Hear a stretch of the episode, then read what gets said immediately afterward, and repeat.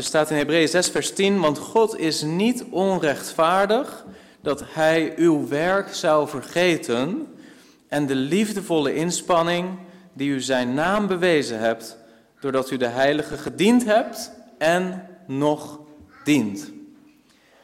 De Hebreeënbrief is een, uh, is een waarschuwingsbrief.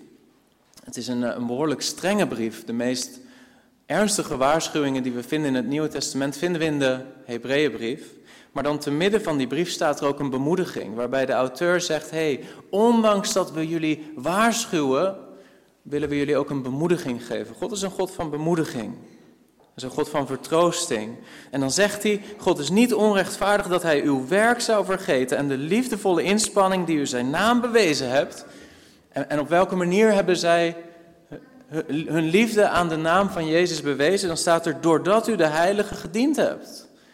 Hoe, hoe geven wij uiting aan onze liefde voor Jezus? Dat is door zijn heiligen te dienen. Door de, door de gemeente te dienen. En, en dan staat er, u, u hebt de heilige gediend, maar u doet dat nog steeds. En dat laat iets zien over een soort stabiliteit die er geacht wordt te zijn in het leven van een christen.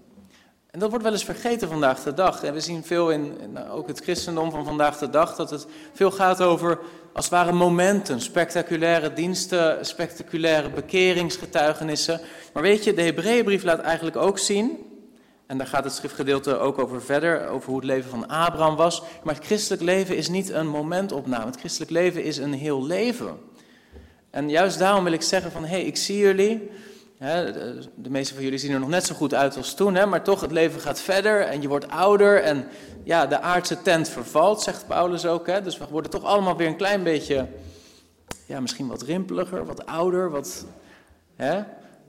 Maar de Bijbel zegt, hé, maar dat, dat is het christelijk leven, is dat het een leven is van begin tot einde van consistentie, een continuïteit. Er wordt soms gezegd van, christenleven, het is, geen, uh, het is geen sprint, maar het is een marathon. Maar dat is in feite ook wat hier staat. En juist daarom ben ik zo bemoedigd om te zien van, hé, hey, gezichten van mensen die trouw de Heer Jezus dienden toen ik hier nog was, een paar jaar geleden, die zie ik hier nog steeds. En dan denk ik, hé, hey, God is niet onrechtvaardig dat hij uw werk zou vergeten. En de liefdevolle inspanning die u zijn naam bewezen hebt.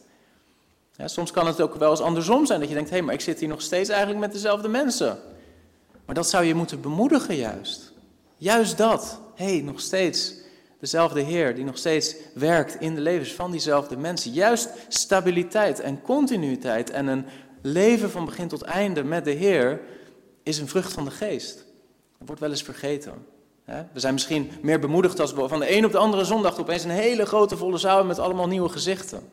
Maar de ervaring is dat juist de plekken waar dat gebeurt, dat je soms twee jaar later komt en dan zijn ze er niet meer.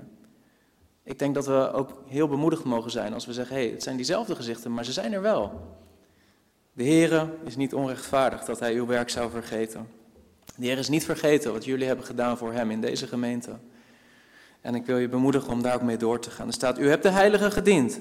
U doet het nog steeds. U doet het nog steeds. Ga ermee door tot het einde. Ik ga niet over deze verse prediken verder, maar dit is wel een bemoediging die ik op mijn hart kreeg. Ik dacht, als ik er niet over predik, dan moet ik toch die verse voorlezen aan jullie.